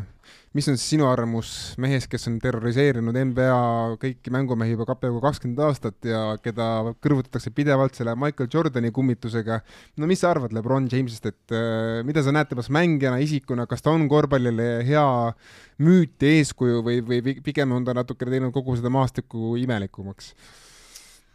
No ta on, ta on geenius selles suhtes, et äh, ta on korvpalli IQ koha pealt kindlasti super vend, on ju, jälle mingid asjad võib-olla, mida noh, okei okay,, me näeme siin neid pealtpanekuid, see, et ta neljakümneselt suudab ikka neid asju veel teha, on ju, aga tegelikult ta ikkagi, ta ikka analüüsib oma mängu, ta mängu ajal sa näed, ta loeb neid asju, et äh, ei, ta on selles suhtes üli, ülivõimas vend ja ja just see, millest on palju räägitud, et äh, mitte ainult korvpall, vaid äh, kõik, mis ta muu ka kõrval teeb, tal on kõik nagu kontrolli all, et niisugune vend, kus sul on kõik asjad nagu olemas ja sa ikka suudad ennast äh, iga, iga aasta jälle motiveerida ja, ja kogu aeg seal tipus olla, et see on tegelikult, see ongi võib-olla tema kõige erilisem omadus, et ta on suutnud nii pikalt ja nii stabiilselt seda asja teha. kui pahane sa oled Steph Curry peale, et ta muutis korvpalli? Ei, Steffi peale ma ei ole pahane, et äh, tegelikult minul, mulle on teda alati meeldinud vaadata, et äh, okei okay,, üks asi on see, et me räägime, et tal on äh, jõhker on ju viskekäsi, aga just see samamoodi, kui palju tööd ta seal väljakul teeb ja kui eriline ta on just see ilmapallita liikumise koha pealt, on ju, mida sa seal NBA-s praktiliselt teiste, teistel ei näe üldse, on ju, et see teebki tema eriliseks ja ja samamoodi tema see isiksus ka, on ju, et ei ole niisugune liiga nina püsti ja niisugune lahe kutt, et ei noh, ka tahes-tahtmata, kas oleks Steph või ei oleks, nii või naa see kolmeste osakaal aasta-aastalt oleks suurem. mul on üks küsimus, et äh, see äh,, ma, olen ise nüüd juurdlema hakanud ja ja see, see küsimus on meil nagu omavahel siin pidevalt olnud, sest noh, Eesti uus lemmikmeeskond NBA-s alati on Dallas Mavericks, eks ole, tänu Luka Dontšitsile, aga minul on hakanud tekkima küsimus, et aga mismoodi ehitada üldse meeskonda Luka Dontšitsiga et aina kahtlasem hakkab tunduma nagu võimalikkus kuidagi ümber selle, nagu alati vaata on see jutt, et, et ümber selle mehi ehitatakse, ümber selle, no ümber Luka Dontšitši, mismoodi sa ehitaks meeskonna niimoodi, et see toimiks, keda Luka Dontšits vajab, et see Tallas äh, nagu noh, eelmine, nüüd saame öelda eelmine aasta äh,, noh, nad jõudsid lääne finaali, eks ole. väga kummalise koosseisuga tegelikult ju et, et äh, neil oli, neil oli korraga väljakul korraga kohati kolm playmaker'it, eks ole. et Dinvidi, Branson ja Dontsits, eks ole. Äh, ja nad purjetasid sellega sinna, noh, okei okay,, nad võitlesid tegelikult, olgem ausad, see oli päris tõsine võitlus seal Clippersi ja kõigega. Nad võitlesid ennast sinna välja, aga noh, tänaseks on see kõik lagunenud, aga, aga mismoodi siis nagu, nagu seda meeskonda ehitada üldse, noh, tõenäoliselt sa ka ju vaatad Luka Dontšitsit ja ahhetad ja ohhetad, eks ole, aga mismoodi sa selle NBA-s selle venna ümber ehitad nii, et see hakkaks võitma? no Mm. Cuban nüüd pane kirja, et ei, mina kuulab. selles suhtes äh, lihtsalt, mulle tundub, et ikkagi see hakkab kõigepealt sellest Lukast endast pihta, et äh, jaa, muidugi, kui me mõtleme nagu korvpalli mõttes, et äh, neil on vaja kindlasti väga häid kaitsemängijaid Luka kõrvale, et see on niikuinii tema kõige suurem nõrkus, on ju. aga pigem on see, hakkab ikkagi sellest pihta minu arust, et ta on ikkagi laisk, et äh, see, see tuleb välja öelda. jaa, see tuleb öelda, selles suhtes ta on super, ma ütlen, me mängisime ise ka ju Sloveenia vastu ja sa võid seal mõelda ük- ükstapuha mida välja seal pick and roll kaitses, aga ta teeb ikka, mis ta tahab, on ju, et äh, ta on ikka võimas talent selles suhtes, aga no see on ju silmagagi näha, et et ta saab oma kehas, keha paremasse olukorda, kui ta tahaks, on ju. ja, ja siis oleks ka need muud probleemid äh, laheneks seal ära, nii et äh, ma arvan, et kui tal ühel hetkel see klõks ära käib ja ta hakkab enda kallal rohkem vaeva nägema, siis küll see edu ka tuleb. no ma nägin ükspäev videot, et pani treppe. noh, ei ei, kaua ta jaksab? no ja noh, selles mõttes, et keegi lõugas ka kõrval nagu päris pahaselt seal, et aga no oleme ausad, ega meie tegelikult ei taju seda, seda survet, seda, mis, mis seal maailmas toimub, et ma ütlen, see Sloveenia näide oli nii hea, et me mängisime ära selle mängu seal, noh, rahvas muidugi tuli ainult teda vaatama, on ju, ja siis kuskilt tagant uksest vend pidi enam-vähem jooksma välja, et teda keegi seal ära ei sööks, et et see elu on raske ka, ma kujutan ette, et kogu aeg see surve ja see pinge, et need, poes käia ei saa. need mehed elavad hoopis teist elu, et me võime siin, võime siin analüüsida. karismaatilistel mängijatel ongi keerulisem selle survega hakkama saada, et oled sa sellega ka nõus? jaa, ja lõpuks see ongi seesama see Lebro-, Lebroni näide, kuidas eh, teatud mehed saavad sellega hakkama, teatud mehed ei saa, on ju, et eh, no tuletan meelde, et Lebron ikkagi sai ka oma tiitli, kui ta oli juba mingi kakskümmend kaheksa, Ei. et Luka on kakskümmend kolm ja ma ei kakskümmend neli. ma ei mõtlegi just Jah. niivõrd seda mängulist poolt, vaid lihtsalt see, et sa nagu saad sellega hakkama ja mm., ja kõik need muud asjad on ka korras, on ju, et sa lõpuks jälle ei libastu kuskil või ei, ei võta relva välja või no aga iganes. Euroopa poisina Ameerika imet saada jäätist peale ja siis ega ei ole nii lihtne. vaatamata sellele, et oled karismaatiline ja kõigi lemmik nii-öelda pai, paipoiss. No varsti võib-olla ikkagi meil üks teine niisugune oluliselt kogukam Serbia poiss on see, on see maailma paipoiss. jaa, aga tema elab vaikselt oma hobusefarmis, samasugune niisugune tagasihoidlik äh, tegelane tegelikult, ma tean, kui, kui sa vaatad nagu mingisuguseid videosid sellest, kuidas ta seal Serbias on, eks ole, siis on näha, kes on boss ja seal see suhtumine ja respekt ja kõik see, see, need rivistused, värgid, need on hoopis teistsugune, eks. Et Ameerikas on ta, on ta ühtemoodi, seal on ta teistmoodi, aga need kultuurid on ka erinevad. ameeriklased lihtsalt ei ole veel aru saanud, kui, kui suur No kui see- suur mängija, kui jah, aga lähme nüüd äkki sellest äh, püha ikka kiusamisest edasi nagu. jaa, kõigepealt väike ajaloo rubriik meie produtsendi auks, et äh, mis juhtus siis äh, sellel kuupäeval või siis kolmapäeval, kui te seda saadet kuulate, et äh, kakskümmend viis aastat tagasi pani John Stockton Rocketsi vastu võidu kolmese ja se- sellega, sellega sai ka Jazz NBA finaali aastal üheksakümmend seitse. ma, ma tean, paljud Rocketsi fännid praegu elavad seda seda mälestust uuesti üle, et kuidas see Stockton pani ja jah siis, ma ütlen neile selle peale, et paras noh. Äh, ja kolmkümmend üks mai siis äh, üheksakümmend üks Pat Rileys sai Knicksi peateener, kusjuures see oli ka omamoodi skandaal, et sinna Knicksi üldse sattus. ja kakskümmend, aastal kaks tuhat seitse pani Lebron James Pistonsi vastu siis Game viies idafinaalis äh, siis järjest kakskümmend viis punkti nii neljanda veerandiga kui lisaajal ja viis ka Cavaliersi võidule top, topelt lisaajal. see oli muidugi see Lebroni esimene finaali aasta, mida ta veel kordas veel pärast Sweep. ku- kuhjaga. noh, sweep mitte aga ta sai finaali. seda küll. jah, aga lähme nüüd siis äh, seeriate juurde ja alustame nüüd äh, seeriast, mis ei ole veel läbi, mõned kiired kommentaarid lihtsalt, et äh, no kuulge, kas see Derek White'i visand, mis, mis me nüüd nägime, kas see nüüd läheb sinna vist NBA all-time highlight'ide hulka küll, sest ma, ma mõtlen, et ainult Fisheri see null koma kolm sekundit vise mul tuli esialgu pähe, et see lihtsalt Ray, Ray kolmene. no see, aga see White'i visa oli ka ikka pagana hull ikka noh. üks asi on nagu seda võib-olla on palju viskeks nimetada, see No oli jah. nagu siuke võrkpallurilik liige, aga ma tahaks küsida hoopis Heiko käest siit, kohe oli mul küsimus selle kohta, et kas Spo eksis äh, sellega, et väljaviskaja peale ei pannud meest? Ta pani väljaviskaja peale mehe, lihtsalt nad hoidsid Ta- Tatumil kätt vahel seal. Ja noh, kui sul on kolm sekundit jäänud, siis ta suure tõenäosusega sealt mingit äh, tippinni ei tule enam, onju, et aga, aga täpselt kõik ju see põrge oli noh, no kõik läks ideaalselt selles suhtes, et no see ongi jälle hea näide, et me võime siin rääkida mis iganes asjadest ja lõpuks otsustavad niisugused asjad mängu, et et ei, ma arvan, et äh, Spelstra nüüd liiga palju ei higista, sellepärast et äh, ma arvan, et nad juba tegelevad teiste asjadega. tore, Derek White, mees, kes tegelikult nii-öelda no ütleme, me ei räägi temast hooaja jooksul peaaegu ühtegi sõna, võib-olla paar korda räägime siin hooaja jooksul ja nüüd siukse vägiteoga hakkama. no Aga... tegelikkuses on ta teinud päris hea play-off seeria üldse. on, on, on, on, ei saa tema, tema peale üldse vaadata pahasti, aga räägimegi hästi kiirelt seda seeriat, me ei tea seda lõpptulemust, see tulemus selgub nüüd teisipäeva öösel vastu kolmapäeva. ehk siis täna öösel, kui meie seda salvestame. just, aga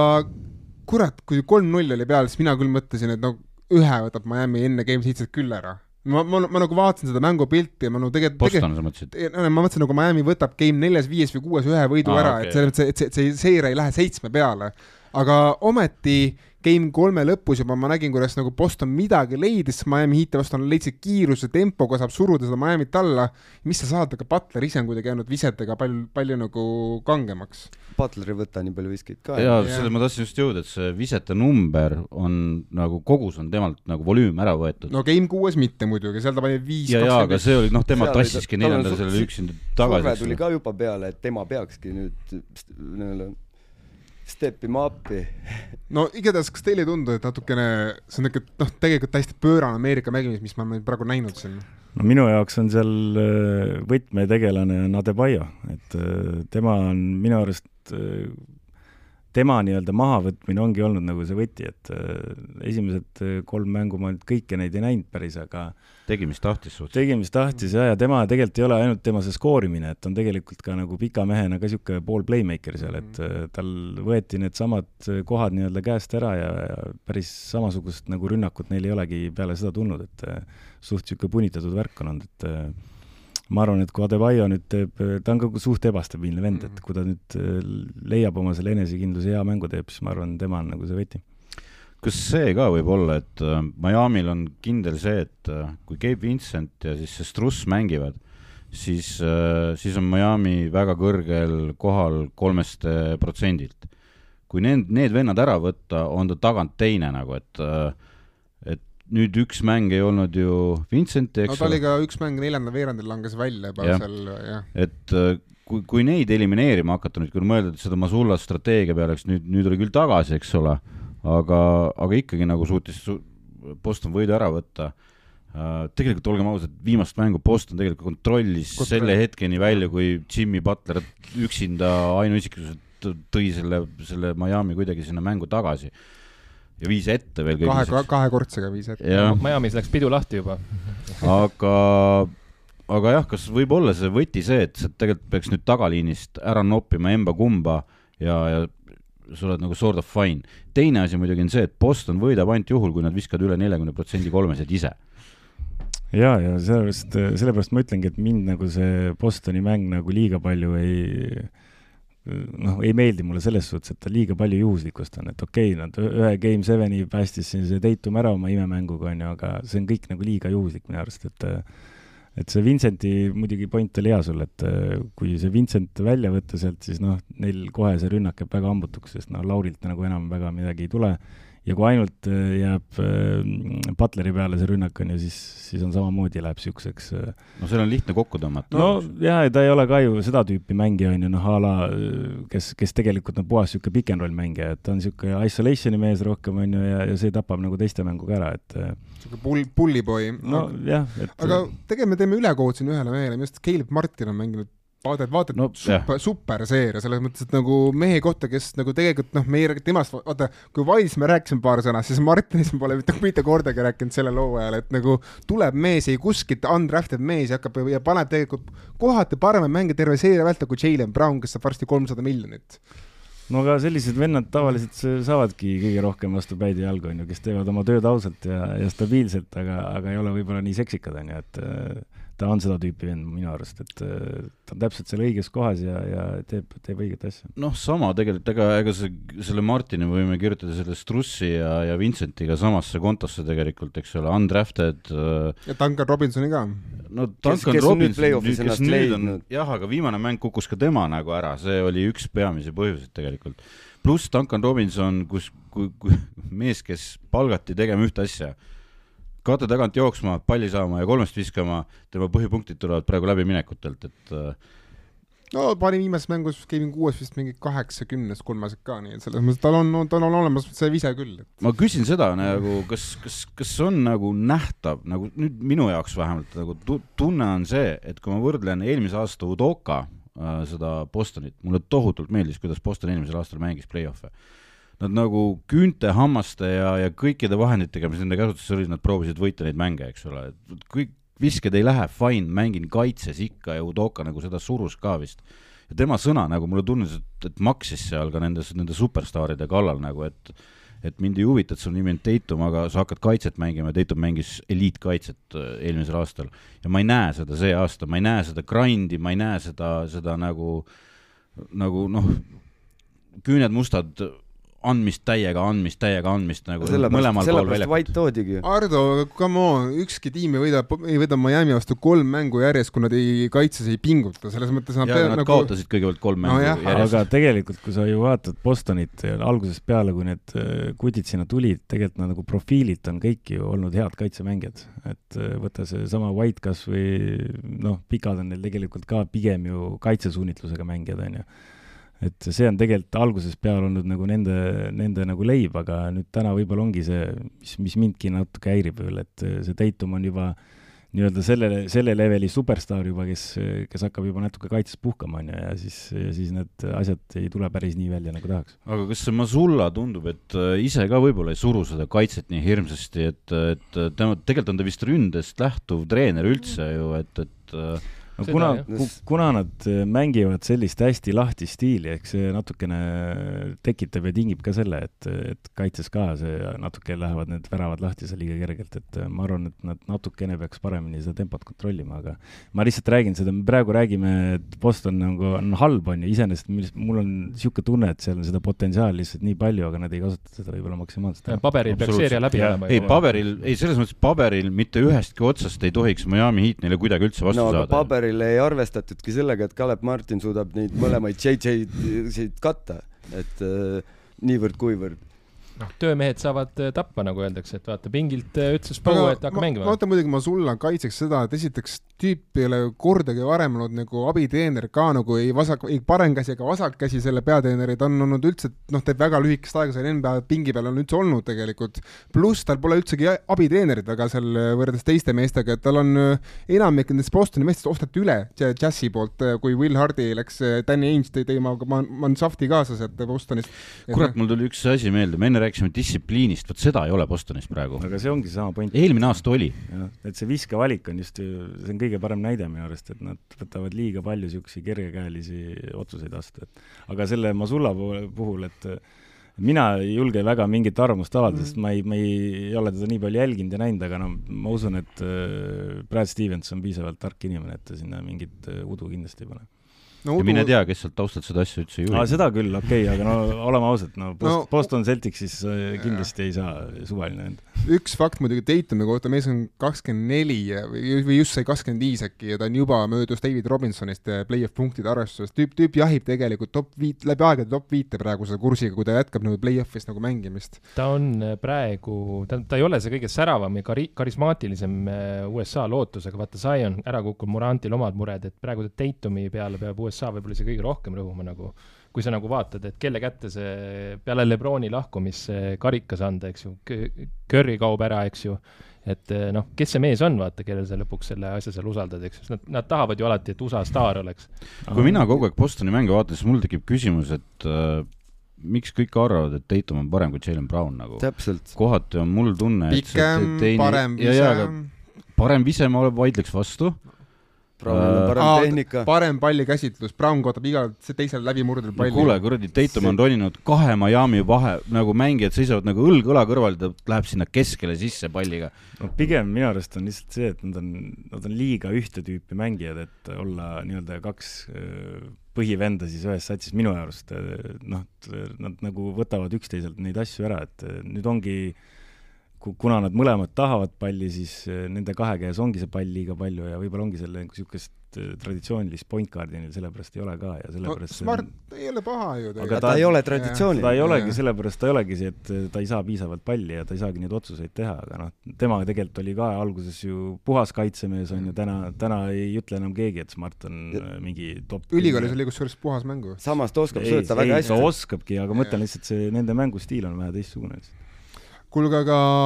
kas te tahaksite näha rohkem nüüd siis äh, täna öösel ajaloo nägemist selles mõttes, et ajalugu on ikkagi see, et ükski tiim pole varem tulnud tagasi null kolm, null kolm seisust ja võitnud või te tahaksite näha seda, et Miami Heat jätk- jätkab oma imelist edulugu ja, ja on teine, läbi aegade teine AFC, kes on jõudnud finaali, siis ku- kumba te eelistaksite nüüd äh, tänasel hetkel näha? või, või võib-olla ka sellest vaatenurgast, et kes, keda oleks põnevam vaadata Nuggetsi vastu no või siis on, küsimus on nagu selles, et keda sa tahaks, aga mis sa arvad, kes võidab? no ma arvan, et kui me tõime ja kes neid kuulata saavad kolmapäeval, need juba teavad, kas me oleme Jah. lollid või ei. no ütleme nii, mina tahan enda ajalugu, mul on selles mõttes lihtne. no ma arvan, et äh, mina olen kindlasti Miami poolt, aga ma, ma arvan, et finaalis äh, kindlasti oleks parem, kui Boston saaks, et siis läheks äh, võib-olla rohkem seal mänguks, et äh, ma arvan, Miami'l saaks Denveri vastu liiga keeruline olema. no mul sama lugu, et süda taob sellele Miami'le, vaata, aga finaal võib siis tulla neli-null või mingi niisugune ülesõit, vaata, no mitte, et Miami nii, nii hullu ei saa öelda, sest ta on kogu aeg vaata sealt välja tulnud, aga aga Bostoniga läheks ikka seitsme peale kindlasti vist, aga noh, kuigi see teab. No ma olen Denveri paadis, kus äh, loodetakse Miami peale, et siis äh, teeme ka ajalugu ja Jokker saaks oma MVP ja Denver esimese, esimese tiitli tr- traditsioonidega klubi pikalt olnud, et äh, aga samas teisalt jälle finaal ilma Bostonita, noh, Boston, Boston ja finaal, ta on kogu aeg seal. Mitu korda ta on, kolm, kolm korda on olnud või kaks vist on olnud finaalis Boston, ma no kaheksa, seitse, no Tei- prae-, viimase kolmeteist aasta hulgas on nüüd teine kord ol- oleks, kui nad Jaa. praegu saaks, selles mõttes kon-, konfi finaalis on idafinaalis on rohkem olnud jaa, et idafinaalis on nad püsikülalised. ja Tatum selle näitajaga on ju noorusega väga kõrgel. ja, ja tal on juba nii palju neid mänge, et aga no mine tea, mul, mulle Miami'st meeldivad ainult Pat Riley ja Spo. That's it, the end ja siis äh, aga ma arvan ja loodan, et natuke Boston- reedab ka see riietus. jah, I bleed green. see, selles mõttes, et äh, ma, ma, ma loodan, et, et äh, sünnib ajalugu ja, ja Boston Celtics läheb sinna finaali, sellepärast et siis ma ei tea, mulle, ma ei tea, mulle see mäng ei meeldi, kurat, mida nad mängivad nagu, aga no sel aastal, eelmine aasta ma nüüd tohutult nagu fännasin seda, seda grind imist nagu, kuidas nagu näed, et äh, inimesed, kes teenivad väga palju raha, näevad väga palju kuradi verd, higi ja pisaraid seal väljakul ja maadlevad ja maadlevad oma kõigile õiguse eest pi- pallidele hüpati järgi. ja, ja et võitlevad oma õigusest äh, jõuda finaali ja tõsta seda karikat nagu. aga ma ei näe seda see aasta nagu seda, seda pauku, võib-olla sellest viimasest nüüd sellest Erik White'iga nagu saadud väiksest võidust tuleb mingisugune meeskonna tuhh või meeskonna tuhhi ka nagu ei ole. ajalugu tehakse nii, aga ma tahan, et nad saaks sinna finaali, sellepärast siis oleks vähemalt nagu põnev, sest ma arvan, et äh, muidu Denver sõidab rongiga üle sellest Miami'st, et ajalugu tehakse niikuinii, ehk siis kui saab Miami, on kaheksanda finaali, Boston, kui ta võidab ja si- siis, kui Denver peaks võitma, igal juhul toimub, igal juhul toimub midagi erakordset sellel hooajal. ei no see, see, selles mõttes, et ma mõtlen lihtsalt seda, et nagu, et siis jääb ainult üks paar pärast seda, eks ole, finaal. et, et see on nagu sama igav, kui vaadata kraamat nagu Eesti meistrivõistlustel nagu, et no nii, aga lähme siit selle teise paari juurde, mis väga kiirelt niisama lõppu ja osad siin on rääkinud, et läheb aegade most competitive sweep, noh, ma, need, need on veel olnud tegelikult, et ärge nüüd seda drooni küll kohe andke La- Lakersi Nuggetsi seeriale. aga see seeria oli meile lahutuslik, kuigi see lõppes neli-null ja ja ka ma ütlen kohe, mis mind seal, mis mind selle seerias kõige rohkem häiris, ei olnudki üldse see seeria ise, vaid mind häiris see, et et Lebron varastas ikka selle kuradi spotlighti Nuggetsilt ära kohe pärast seeriat, sellepärast et no on vaja seda tähelepanu endale tagasi haarata ja no see oli ikka minu jaoks ikkagi ja kusjuures mitte keegi, mitte keegi tegelikult spordimaailmas ei usu, et Lebron lõpetab karjääri ilma siukse kobiliku retirement tuurita, mitte keegi ei usu seda, ta ikka teeb seda. aga ma arvan, et see oli lihtsalt tema järgmise hooaja siuke leverage play, et tooge mulle rohkem talenti juurde või muidu. aga see on jälle näide, kuidas Jah., kuidas see vend suudab äh, isegi sellises olukorras, ma olen kindel, et mis sul seal peas toimub peale, ma ei tea, pool tundi peale mängu lõppu onju, aga tal on kõik nagu ette planeeritud, tal on alati variandid olemas, et selles suhtes on ta ikka võimas vend, et et saad tappa, ikka räägitakse ainult sinust. Jokit sai kohe puhkama minna, Mhm. vaata, ei pidanud midagi rääkima. aga räägime natuke seeriast ka, et äh, algas see seeria siis niimoodi, et Nuggets läks äh, avamängus kõvasti ette, siis tegi Darvin Ham väikse, väikse manöövri, pani Rui Hachimura katma Jokicit ja justkui sai Lakerist lähedale, aga Nuggets võttis lõpuga ära ja siis hakkas pihta huvitav sihuke meediamäng, et no kõik hakkasid rääkima, et no nüüd, nüüd Lakers leidis midagi selle Nuggetsi vastu, hakkavad ära kasutama ja siis Malone oli, kuulge, et et ma olen ma vean kihla, et see, et see Tarvin Hämm oleks palju õnnelikum üks-null üle kui selle adjustment'i üle, sellepärast et uskuge mind, me nuputame selle, selle vastu mingi lahenduskäigu. ja kui me nägime, mis seeria edasi sai, oligi see, et noh, see Hachimura minutid väga palju noh, suurt pilti ei mõjutanud nüüd väga palju D'Angelo Russell langes totaalselt välja sellest seeriast. Äh, eriti lõpus. jah. Vanderbilt. Vanderbilt langes välja, no Malik Piltid üldse ei lastud platsile. Äh, Lonnie Walker langes välja tegelikult ka, et selles mõttes äh, see rotatsiooni järjest lühemaks ja lühemaks ja lühemaks ja no Lebron tegi seal Game neljas, noh, avapoolega kolmkümmend punkti, mõtled, et tuleb abi Davise näol teisel poolel, ei tule, et Lebron üksi enam ei jaksa tassida lihtsalt no pigem oligi minu arust noh, mis mulle Denveri juures meeldis, et oligi, nad kõigepealt võtsid kohe selle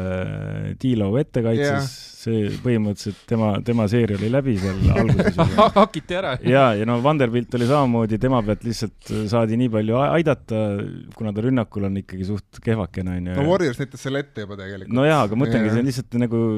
sihuke hea näide, kuidas tegelikult sa sööd mingid vennad puhtalt nende nõrkustega sööd nagu välja ära ja, ja siis pärast lahendust ei leidnudki ja no Lebron lihtsalt ei jaksa enam mängida ütleme, pikka seeriat ja nelikümmend kaheksat minutit, on ju. küll jaksab PR-tööd teha. ei, seda küll, aga lihtsalt see on näha, et need eksimused tulevadki tegelikult tal sisse, ta hakkab vaikselt siin-seal puhkama, on ju, ja, ja kui Denveri-sugune meeskond, kes nii-öelda liigub ilma pallita ka piisavalt hästi, siis tulevadki need lõiked ja lauapallid, mida tegelikult võib-olla statistikast ei näe, on ju, aga, aga seal tavaliselt tema pealt hakkavad need asjad kerisema. Lebroni pealt ma ütleks seda, et vist esimene seeria Lebronil pärast mingi nullindaid, kus ma tajusin, et Lebron pole kindlasti parim mängija platsil, et selles mõttes see oli nagu, sa, sa vaatasid seda seeriat ja sa nägid igal nagu mängul, et kurat, Nikola Jokic kontrollib kõike, ta lihtsalt kontrollib kogu platsi, ta teab kõike, kus mängijad on ja ta tegi vist keskmiselt kolmkümmend üks punkti, neliteist lauda, kümme sööta, ta lihtsalt nagu täiesti, täiesti peatamatu. jah, jah ei no üks asi on vaata see statistika on ju, okei okay,, kes ja, seal laual söödud värgid, aga ja just see mängupilt nagu, et äh, sa näed, kuidas isegi kui ta see Jokitsil seal, ma ei tea, esimene poolaeg seal ebaõnnestus suhteliselt on ju, siis ta on ikkagi nagu rahulik, kontrollib asja ja, ja ja ta nagu liiga palju nagu ei värista ka, kui tal nüüd ei saa nüüd see kolmkümmend punkti täis visatud, on ju, et ta selles suhtes on kihvt selles mõttes oli minu arust see, see Hachimura jutt, eks ole, on nagu vei üle pingutatud sellest, et ta pidurdas Jokicit nagu, ta ei pidurdanud mitte mingit Jokicit, esiteks pandi Hachimura tema peale ja see võimaldas äh, Davisele alla abi anda lihtsalt äh, ja Gordon jäeti vabaks sellega.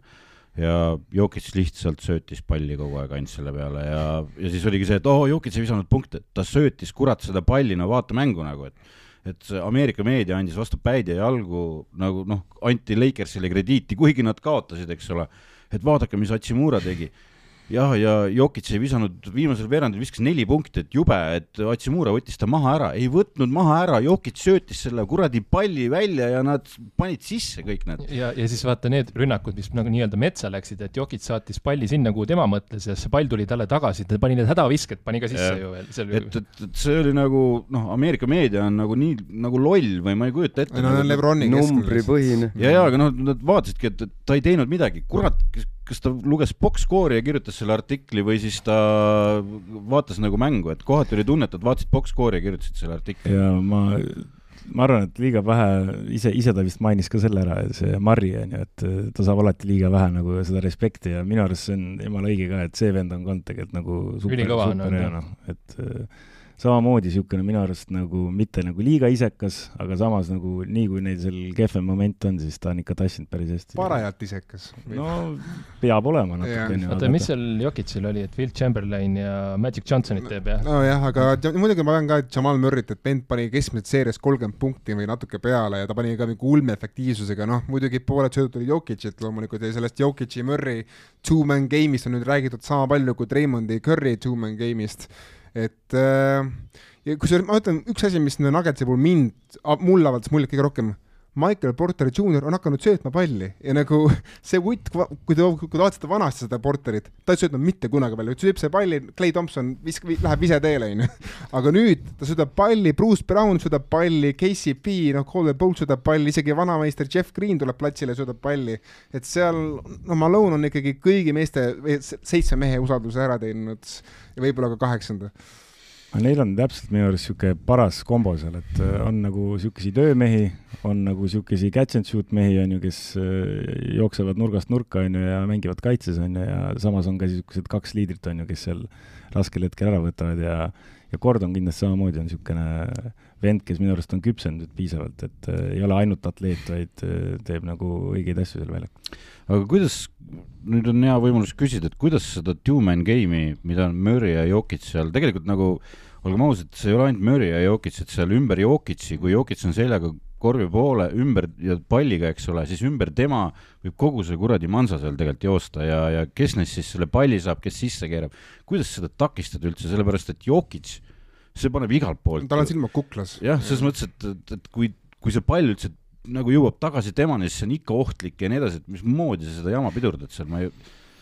ei, nagu kokkuvõttes ongi ju see Jokic'i fenomen, et tal on ju põhimõtteliselt tagamängija oskused, on ju. Äh, ta, okei okay,, ta näeb välja niisugune paksuke, aga tegelikult on nagu väga niisugune elastne vend ka, et ta saab seal rasketes olukordades trappides saab ka ilusti hakkama, on ju, et ära ei kustu kuhugile, et aga jah, see tema see söötmine põhimõtteliselt ongi see lõpuks, mis, mis tapab ära, et et noh, põhimõtteliselt tema puhul sa ju näed, et ta vägisi nagu viskeid ei võta, aga, aga need otsused ei, kuidas seda ära võtta, minu, minu, minu arust ongi üks hea näide see, et noh, kui tema näiteks palli üle toob seal mingitel hetkedel, kas Mari on väljas või, või neil ongi seal kindlasti mingid setid välja mõeldud, kus ta tulebki ise selle palliga. et tahaks näha, kas keegi nagu reaalselt paneb tal nagu kellegi elama selga ka, noh, mõne pika, no ma arvan, mingi Adebayo-sugune vend võiks vabalt niisugune olla, noh aga NBA-s seda liiga palju ei näe millegipärast, et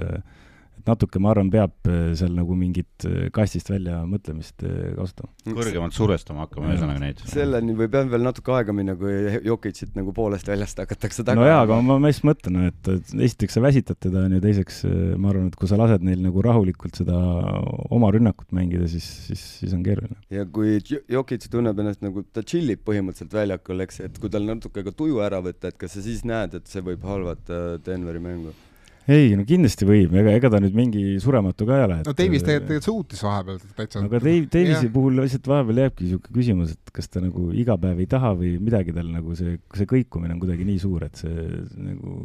tu, tujud käivad kogu aeg, et ma ei tea, hästi imelik selle koha pealt. no kui me vaatame nüüd neid alles jäänud vendasid seal, ütleme, meil on Al Horford, siis meil on see Robert Williams ja meil on Bam Adebayo kui Anthony Davis ei suutnud Jokicit maha võtta nii-öelda okay,, need, need vennad ei, ei ole selleks. Bam võib olla see mees tegelikkuses no Bam ja pluss tegelikult Bostonil on terve sats on selliseid, nad on ju harjunud mängima seal, vaatasin, mis seerias oli, kus äh, võtsid täiesti cross-match'i, nii et väiksed võtsid suuri, suured, suured väikseid, on ju, et äh, nad on piisavalt atleetlik meeskond, et nad tead, kes seda teeb või? Grant Williams hakkab seda tegema. Ma kujutan ette, et tema on küll niisugune mees, kes nagu hea meelega võtaks aga ma ei, ma ei usu, ma ei ole nagu näinud mängu, kus nagu Jokicil tuju ära võetakse, ma olen näinud, kui ta läheb vihaseks ja see on, see on vastaste jaoks veel vastikum vaatepilt, sellepärast et siis siis, siis, siis hakkab juhtuma väga, väga palju halbu asju nende jaoks. mõelge, kui, kui Boston saab finaali ja siis Markus Smart hakkab Jokicit võtma ühel hetkel jaa, Grant Williams küll, aga Grant Williams on siiani olnud nagu, nagu liability, ütleme nagu selles play-off seerias ei ole, ei ole ta või noh, selles play-off'is üldse on, on Grant Williams olnud pigem nagu negatiivne tegelane et no, äh, esimeses kahes raundis, mõttes Miami vastu praegu Masulla on nagu leidnud ülesse lõpuks, et äh, aega läks, aga, aga lõpu, lõpuks leidis. No vot, see ongi see ja. koht, kus võiks natuke küsida treeneri pingi suunas, et äh, noh, et okei okay,, et Grantil mängis uju, aga kas sa ei võinud ka seal treeneri pingi suunas mingeid mõtteid olla või proovisid uusi asju või ründe no,? aga teistpidi jällegi, me räägime ju praegu Denverist nii-öelda Lakersi võrdluses, aga ma arvan, et see Boston selles suhtes, näiteks me räägime Bostonist, siis nad on nii palju kiirem ja atleetlikum tiim tegelikult, et see mängupilt võib hoopis mm -hmm., hoopis teine olla, et samas nad mängisid Sansi vastu aga Suns on ka selles suhtes Mhm. ikkagi aeglane Aeglane., et Okei. äh, nad ei ole,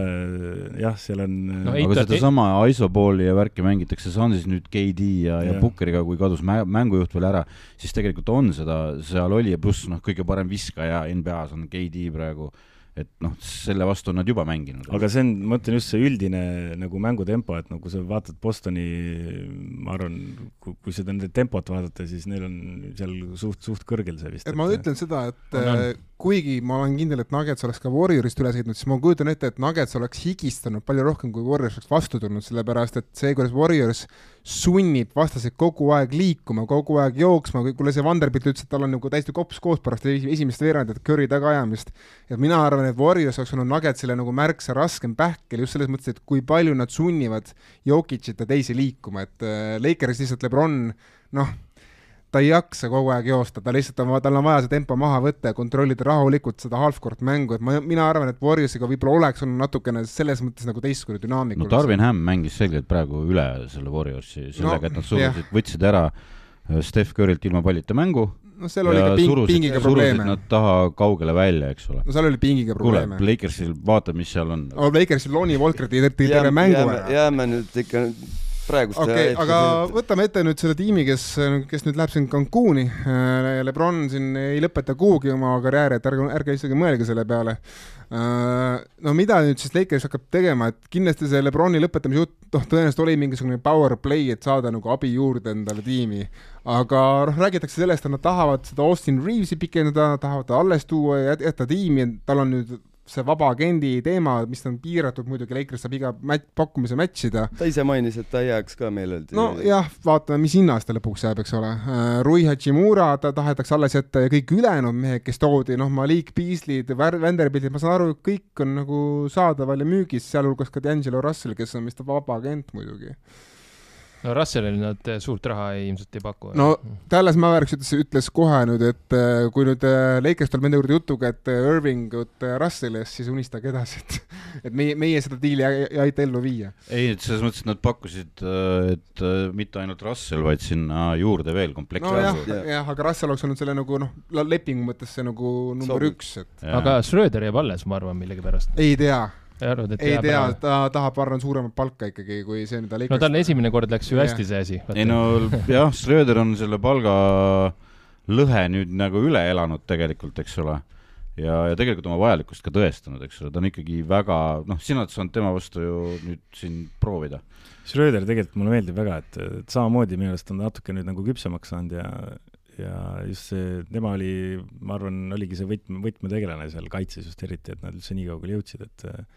ja mis puutub nüüd Lakersi tulevikku, ma arvan, Reaves on ainuke vend, kes neil nagu niisugune must on, kelle peaks jätma, teised, ma arvan, seal kui on vaja kuskil saadaval mingi staar seal, ma ei tea, Kairi või keegi, siis, siis nad on kõik lähevad no sellest nüüd räägitakse ikkagi väga palju, et äh, Irving käis nüüd ka kahel Lakersi Nuggetsi mängul ja ütles, et ärge seostage mind sellega, et ärge, ärge arvake, et ma sellepärast nüüd lähen Lakersisse, ma nüüd siin mängu vaatan. Ta tegi lihtsalt endale reklaami, sest et tegelikult ta tahaks Lakersi minna. selles mõttes, et nagu mina söön oma mütsi ära, kui ta ei ürita vähemalt korraks Oh kui sinna minna, et nüüd on küsimus see, kuidas ta sinna saab, sellepärast et ta peaks siis nõudma põhimõtteliselt mingit sign and trade'i ja see on, see, see nõuab mingi eri- erimanöövrit Lakersilt ja, ja Mavericksilt, et üldse, et sihuke asi juhtub. samas ajalooliselt me teame, et kui Lebron ei võida, siis ma ei imestaks, kui AD läheb ka müüki. kusjuures sellest räägitakse Ma-, et jaa., et kuigi Lebron ja Davis on väga suured sõbrad ja saavad väga hästi nagu platsiväliselt läbi ja saavad platsi peal läbi, siis äh, Lebron ei olnud rahul Davise ebastabiilsusega tegelikult play-off'i vältel, aga noh, samas kuidas sa Davise asemel tood sisse no tahtsin öelda just, et sul ei ole sul ei ole asendust võtta tegelikult ja need vennad, kes tast nii-öelda paremad on, need lihtsalt ei lähe sinna, et äh, ma arvan, et see seda varianti väga ei ole. mul on üks napakas küsimus. Kui me enne rääkisime sellest Kovliari teemast siin, eks ole, et tal see tempovahetusega ja kõik see, kas Kovliar peaks Schröderi endale eeskujuks võtma tegelikult või siis see vend on nagu kuidagi sarnane ja ta suudab nagu see, need tempovahetused on meeletud, mida Schröder suudab teha. Oi jumal, neid, ma arvan, neid eeskujusid on see terve NBA täis täis seal. ja, ja aga nagu kui sa mõtled nagu sarnasustele ja sellele plahvatuslikkusele vajadusel plahvatada ja muidu nagu täis, muidugi see Kovler ei ole kunagi Wims. ainuke sarnasus, mida mina neil näen, on kaitse poole peal, et nad mõlemad suudavad. Kovler mängib jah superkaitset. suudavad korralikku no,, korralikku survet panna. Schröder on veel niisugune nagu niisugune kerge kondiga vend, aga ma arvan, Saša siin paari aastaga, kui ta natuke veel, ta on päris niisugune sitke sel ka, et tal nagu kaitses on tohutu potentsiaal ja see on sama näide jälle, et ma olen talle kogu aeg seda rääkinud, et ükstapuha, kui hästi sul siin rünnakul läheb, et sinu relv peab olema ikkagi see kaitse ja see ei tohi nagu ära ununeda, et äh, sellega ta nagu eristub teistest.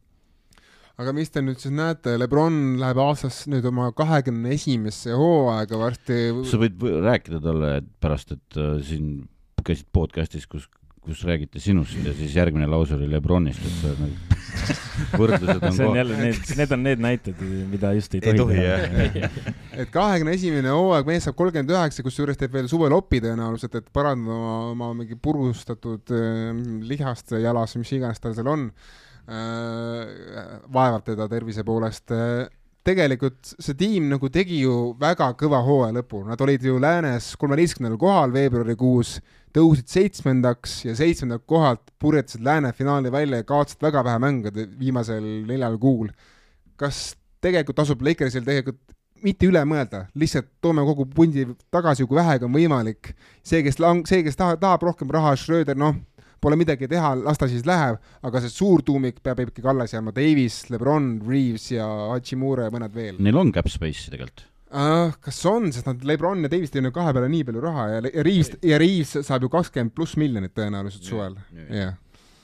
et enam pole, ma arvan, kui Reaves saab ma ütleks ühe nime juurde, et see Vanderbilt äh, võiks neile jääda, et tundub niisugune no põhijooajal, mis, miks mitte? nojah, et, et kas ta see play-off'is see mees oli, keda nad oskasid ära kasutada või ta ise seal hakkama sai, aga et äh, no tema oli vaata sellest nelikust isegi vaata et kõige silmapaistvam. aga tal puudus ka play-off'i kogemus tegelikult. mis saab D'Angelo Russellist? Mees viskas keskmiselt seerias kuus punkti, kolmkümmend kaks protsenti tabavus no jaa, ta tegelikult üksikuid mänge ikka päästis ära neil seal äh, alguses, aga no il, ilmselgelt tal nagu see kaitse pool on ikkagi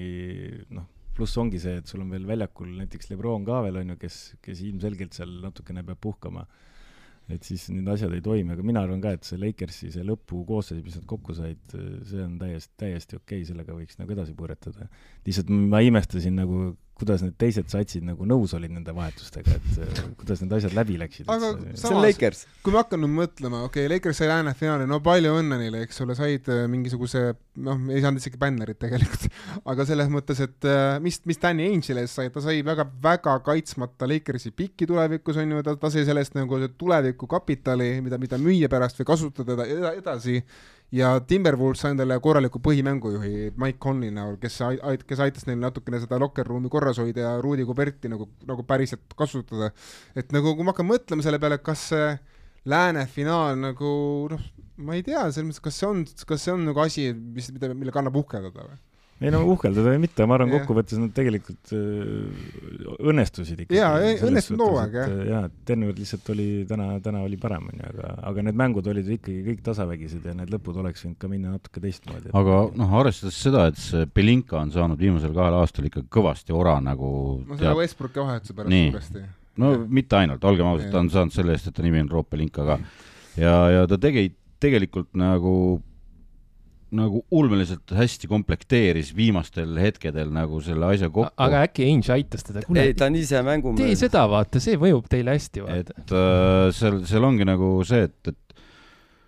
et äh, tegelikult noh, Belinka on teeninud ära nagu respekti selles mõttes, et, et ta, ta suutis viimasel hetkel panna kokku nagu täiesti nagu katastroofist tuua meeskonna lääne finaali nagu.. sest Belinka on ise mänginud ja ta teab, eh, kui ta, oluline ta, on saada see meeskond. Belinka nüüd nagu mängumeheks. agent ikkagi. no ta on ikkagi see, ta on, ta on istunud pingil, ütleme siis nii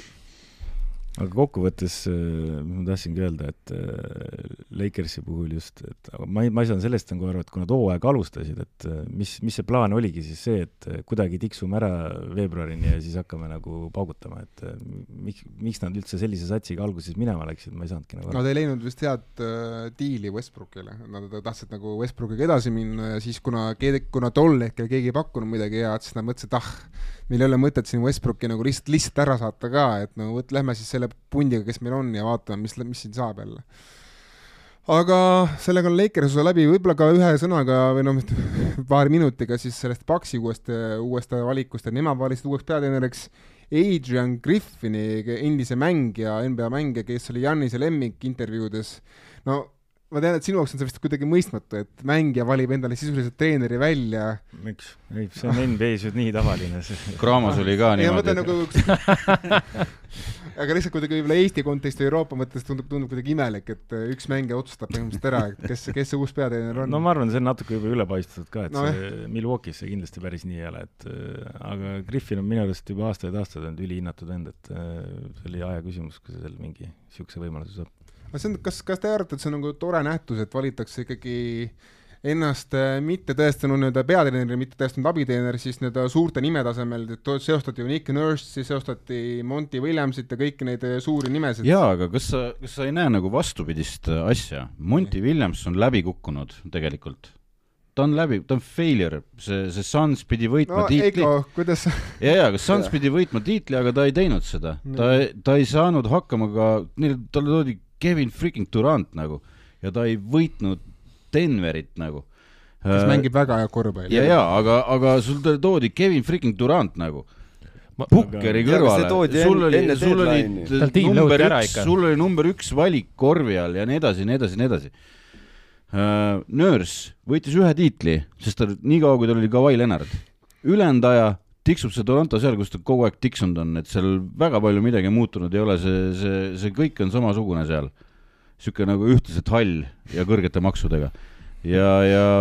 noh, Doc Rivers, see ei olegi valik, see on noh, ma ei, ma ei Sa... saa aru, kuradi moodi see vend on no, seal peatreener. no ta saab intervjuu kutsuda edasi, no vähemalt seegi või ta ise surub ennast sinna kuidagi. ja kusjuures see Monty Williamsi koha pealt minu arust äh, Phoenix enne Duranti seda treidi minu arust oli väga kihvt sats. oli, oli, oli ju parem. Pärast seda oli jälle niisugune kõige tüüpilisem ice, ice pool jälle, et äh, selles suhtes oli kahju mul isegi. plaan oli see, et Durant tee nüüd. ja aga siin me jõuamegi, Durantile. siin me jõuamegi selleni, et, et see treeneri ja selle ükskõik millise superstaari vaheline see keemia, see ei ole niimoodi, et okei okay,, sul on küll see Durant, aga noh, see vajab natuke harjumist, et nad saavad ka rohkem koos olla, kui nüüd see enne seda deadline'i. ta sai, ta sai viga ka vaata kohe. ta ei mänginud jah ja, et... aga Heiko, mis, no ma tean, et see, see on nii võrreldamatu, aga ikkagi sa oled abiteener, sa saad enda elu esimese peatreeneri nii-öelda tööpakkumise ja sa saad seda tiimit, kes on tegelikult ka järgmisel aastal NBA tiitli suur soosik, et nagu see tundub mulle ikka rämedalt suur surve, mida, mida, mida pannakse sulle kohe esimesel peatreeneri aastal nagu õlgadele no jaa, aga minu arust see Griffin on esiteks päris pikalt juba seal sees olnud ja ta nagu selle koha pealt, äh, ma arvan, et on päris kindla peale valik, et äh, ja noh, kindlasti Milwaukee ei ole niisugune sats, kes ainult mingit, äh, mingit nime taga ajab, et ma arvan, et väga läbimõeldud otsus ja ja ma, ma, mina küll usun, et see Griffin võib isegi täitsa, täitsa toimida. aga kui sa vaatad seda kolmeteistkümnest armeed seal, kes istub seal peatreeneri selja taga, et kas NBA peatreeneri äh, nagu amet võib olla ka pisut ülepaisutatud tähtsusega. ei, ma tahtsin ka öelda seda, et pigem äh, tegelikult äh, seal kolmeteistkümne seas neid mehi on veel väga palju, ma arvan, mujal ka, kes, kes oleks võimelised ja, ja kes kindlasti on seal kuskil radaril ka, on ju, aga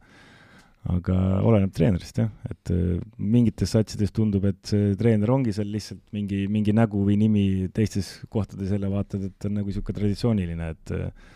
et teeb ka ikka midagi, et väga-väga keeruline nagu hinnata konkreetselt. siin on mul üks hea näide kohe juurde tuua, et äh, Warriors kunagi tõi selle Serbia jo-, Jokic'i vana treeneri no, nooruspõlves tõi äh, siis seda Wisemani õpetama, aga pärast tuli välja, et hoopis Loonile mõjus väga hästi. Oli jah, aga selle pealt hakkamegi siin otsi kokku tõmbama, peaaegu, peaaegu poolteist tundi on räägitud äh,, vaadake oota, üks asi mul tuli meelde, Mulli, kas sa Mulli vaatasid või? siis, kui Mulli koos oli et siis, siis oli. sellel ajal on mul midagi teha et siis oli minu arust oli see, kas oli Nurse'i ja äh,, Nurse'i ja, ja Bostoni võitlus oli äkki või, või oli, ei, Spo ja Spo vastu oli vist. ja siis oli see, vot see oli äge malemäng nagu treenerite vahel, kus nagu mängu sees tehti olulisi muudatusi korduvalt, nagu üks tegi käigu, teine tegi käigu nagu, nagu ühe mängu sees juhtus nagu nii palju erinevaid käike nagu, mis muidu tehakse kuskil poolajal või, või midagi taolist, seal juhtus mängu sees nagu järjest hakkasid vennad nagu tegema. Nöörs muidugi tõenäoliselt on väga hea treener. ei, kindlasti, no kuule, oleme ausad, need on tegelikult seal kõik head treenerid, et äh, sinna ikka mingid mahlamütsid ei saa peale, on ju, et aga nagu ma ütlesin, siis äh, väga, väga oluline on seal kindlasti seesama äh, see sinu, see background on ju, et kes sa no, olnud oled ja kuidas sa Nick Nurse tuli Inglismaa kõrgliigast. aga tema oligi yeah., tema oligi nii-öelda see üks nendest näidetest, kes on nagu reaalselt ennast üles töötanud, on ju, et palju, palju neid äh, teisi näiteid, neid nii palju on. ehk siis erand no,, erand kinnitab reeglit. ei, Nick Nurse'i puhul on muidugi see, see background on, ta, ta juba nagu ülikooli ajal tegelikult äh, avaldas soovi natukene treeneritööd nagu teha ja nii edasi, et et sealtkaudu tulid need sidemed, temaga on päris hea see JJ Rediku see podcast kus kogu see tema taust on nagu lahti räägitud.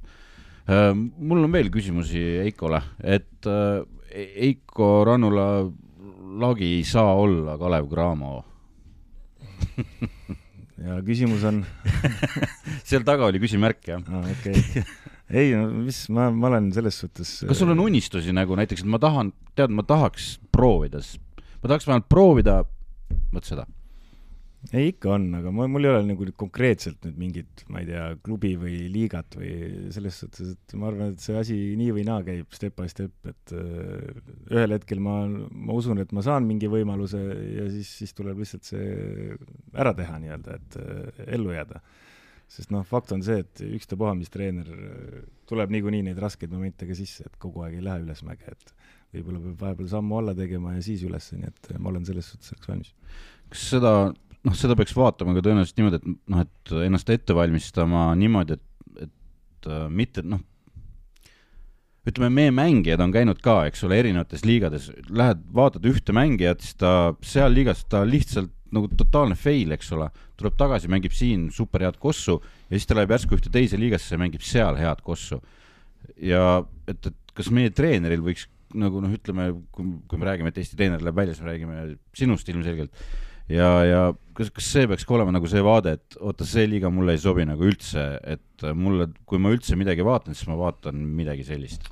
Saksa näiteks või midagi taolist. jaa, ei, seal on kindlasti omad nüansid mängus selles suhtes, on see Itaalia, Saksa, Hispaania, nad on natuke erinevate stiilidega, just, just see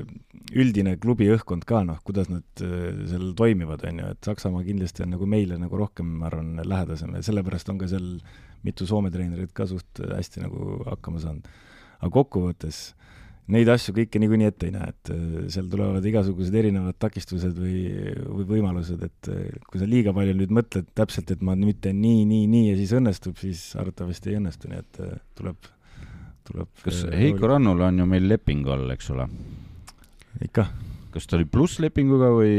ei, mul on tegelikult oli kaks pluss üks leping, et mul äh, selles suhtes, äh, ma ei saa just. ühesõnaga, sa kõnesid ei võta? Ei, no ega ei helista ka keegi, et see on jälle, see arvavad, et nüüd käid ühe korra seal FIBA Euroopis ära, et siis kõik on ukse taga rivis. Pari-, parim reklaam on käia Gramoga lõhkumas seal Euroopas, see on parim reklaam, nagu öeldakse. aa, igal juhul, aga mis lõppude lõpuks ma ütlen, meil, mul on siin Gramos ka veel väga palju nii-öelda veel areneda, nii et liiga palju kas, ei ole vaja mõelda. kas sa kadestad ka neid NBA treenerilepinguid, mis mõnikord neli või viis aastat kas niisugune asi ajab kadedaks või, või tegelikult ei aja, et, et sa saad treeneri, treeneri puhul see aastanumber seal taga ei tähenda see lepingu pikkus ei tee kadedaks, numbrid teevad kadedaks. ei, ei, lõpuks, mis, mis ainult, mis rolli mängib, on ju see, et kui sind lahti lastakse, mis, mis summa sul siis kirjas on et tegelikult ju on, tegelikult ju on, saad, treener saab viieaastase lepingu, noh, mhm. kaotad äh, viis mängu, oled, mis vahet seal on, kui pikk see on? kui suur hirm võiks olla nagu selle ees, et kui me vaatame seesama Doc Rivers on tegelikult hea näide sellest, et äh, suurte superstaaridega see vend äh, mängitud ei saa. Lihtsalt ei saa, no ta ei jõua mitte kuskile, ta fail ib freaking play-off ides. kui sa annad talle sitapuru kätte, millegipärast see sitapuru mängib temal jumala hästi